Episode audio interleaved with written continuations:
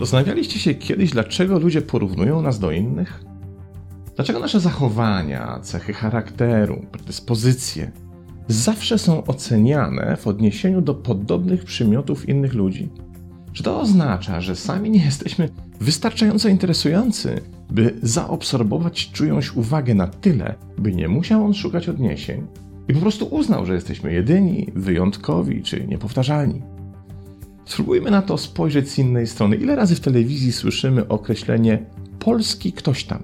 Kiedy wychodzi na ekrany jakiś nowy serial, słyszymy, że to polski odpowiednik czegoś tam.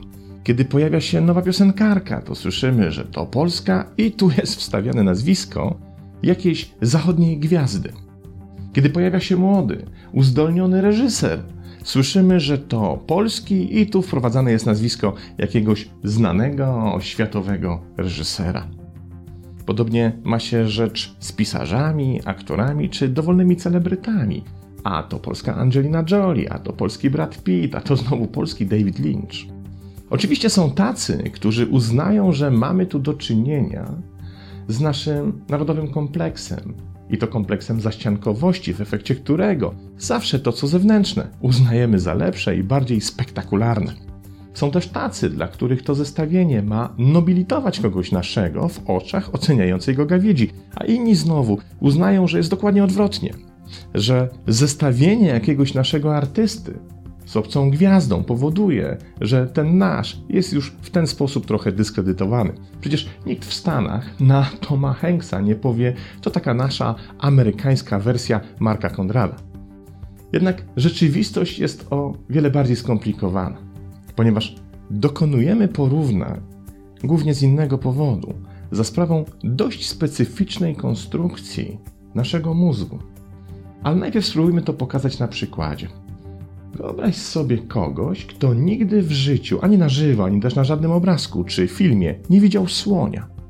W jaki sposób temu komuś opiszesz wygląd tego zwierzęcia? Jak będziesz opowiadał czy opowiadała o słoniu w sposób, który pozwoli tej osobie jak najlepiej zobrazować sobie to, o czym mówisz? Otóż siłą rzeczy będziesz szukał czy szukała zbieżności pomiędzy opisywanym przez ciebie słoniem, a czymś, co twój słuchacz już zna czymś, co widział, co pamięta i co jest w stanie sobie wyobrazić. Musisz więc znaleźć takie zwierzę, które ma wspólne cechy. Niech to będą cztery nogi. Mówisz więc, że słoń to potężne zwierzę chodzące na czterech nogach. Podobnie jak pies czy koń, tyle, że te nogi proporcjonalnie są o wiele grubsze niż u psa czy konia. W ten sposób Twój słuchacz jest w stanie utworzyć we własnej głowie wizualizację konia, którego już zna, oraz w tej swojej wizualizacji odpowiednio pogrubić mu nogi. Łączy w ten sposób dwa znane elementy: poruszanie się na czterech nogach oraz grubość w nowy, dotąd nieznany element, czyli coś, co już powoli zaczyna przypominać słonia. Kiedy więc opowiadając o słoniu, uzyskałeś już pewną bazę, zaczynasz dokładać do niej kolejną cegiełkę ponownie odwołujesz się do czegoś, co twój słuchacz już zna, by na tej podstawie mógł w miarę precyzyjnie wyobrazić sobie dalsze części słonia. W ten sposób powstaje zbitka. Słoń to taki trochę koń, ale nieco inny. Dokładnie tak samo powstaje zbitka polska Angelina Jolie. Mimo, że ta nasza jest nieco inna. Na czym polega ten mechanizm i dlaczego wykorzystujemy go w naszych narracjach? Otóż jego podłożem jest sposób funkcjonowania i budowy naszego mózgu. Każda nowa rzecz, z którą się stykamy, na przykład jakaś nowa umiejętność, wymagająca od nas operowania dłońmi, wymaga od naszego mózgu utworzenia nowych połączeń neuronalnych. Jednak, by ułatwić sobie to zadanie, mózg musi sięgnąć do połączeń już istniejących, ponieważ gdyby tego nie zrobił, to zadanie zmierzenia się z nową rzeczywistością byłoby dla niego zbyt trudne i, co ważne, zbyt obciążające energetycznie. A mówiąc innymi słowy, miałby kłopot z tym, by móc sobie coś w odpowiedni sposób wyobrazić, jeśli nie posiłkowałby się przy tym wyobrażeniu czymś, co już zna, bo jest w stanie lepiej i sprawniej operować znanym, niż tworzyć nieznane. Możemy powiedzieć, że mózg do przetworzenia dowolnej informacji szuka okazji do tego, by ją maksymalnie uprościć. Potrzebuje po prostu nieskomplikowanych informacji, które może ułożyć w nową, nawet skomplikowaną całość.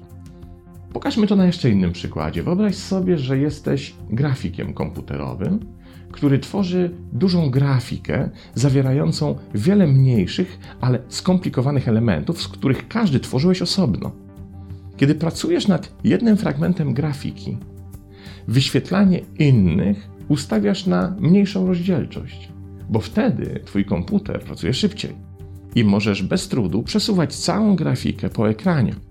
Kiedy jednak w ustawieniach wyświetlania wszystkich składowych Twojej grafiki dokonasz zmiany rozdzielczości na najwyższą z możliwych, to siłą rzeczy komputer będzie potrzebował dużo więcej pamięci operacyjnej, by wyświetlić dobrze całość, co znacznie oczywiście spowolni cały proces, jednocześnie utrudniając Ci pracę. Inny przykład tej zasady możemy zaczerpnąć z przemysłu filmowego. W trakcie przygotowań do produkcji filmu często jednym z niezbędnych dokumentów jest tzw. Tak storyboard, tłumaczony w Polsce jako scenorys. To nic innego jak obrazkowa historia scenariusza, w której każdy z obrazków ilustruje konkretne kadry danej filmowej sceny. Obrazki zawierają jedynie najistotniejsze elementy, jak rozstawienie postaci, kadr i wykorzystywane ważne rekwizyty.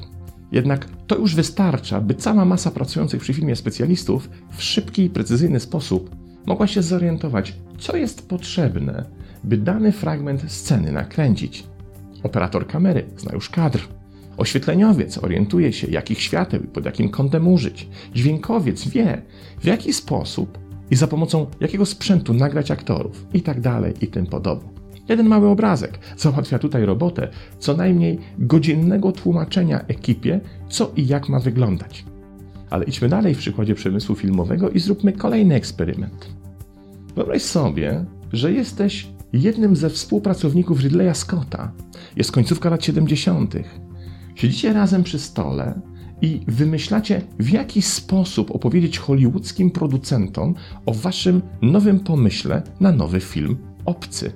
W jaki sposób to zrobić w jednym zdaniu, by w lot pojęli o co chodzi? Wiesz już, jak działa nasz mózg. Wiesz, że będzie się musiał odwołać do istniejących połączeń neuronalnych, by stworzyć nowe. Jak zatem w jednym zdaniu przedstawisz, o co chodzi w obcym? Trudne zadanie, prawda? Okazuje się jednak, że ekipa Ridleya Scotta wybrnęła z niego koncertowo. Stworzyli slogan Szczęki w kosmosie. Odwołując się do przebojowego filmu Szczęki, którego premiera miała miejsce w 1975 roku, a więc ludzie mieli świeżo w pamięci krwiożerczą walkę kilku śmiałków z przerażającym, pożerającym ludzi potworem. Wystarczyło więc oprzeć się na dwóch doskonale znanych producentom elementach i zestawić polującego na ludzi rekina z kosmosem, który też już znali, bo zaledwie dwa lata wcześniej miały swoją premierę Gwiezdne Wojny. W ten sposób odwołano się do istniejących już połączeń neuronalnych, przez co łatwiej było zbudować nowe.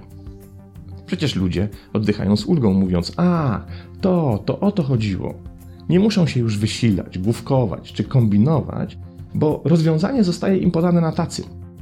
Jeśli zaś już znamy ten mechanizm i wiemy, że działa za każdym razem i to na każdego, bo przecież konstrukcja i sposób działania naszych mózgów tak naprawdę się od siebie nie różni to zamiast walczyć z tym mechanizmem, powinniśmy go zaakceptować. To niestety nieuchronne. Ludzie zawsze nas będą porównywać z innymi, zawsze będą nas oceniać na bazie tego, co już znają, bo tak po prostu robimy wszyscy.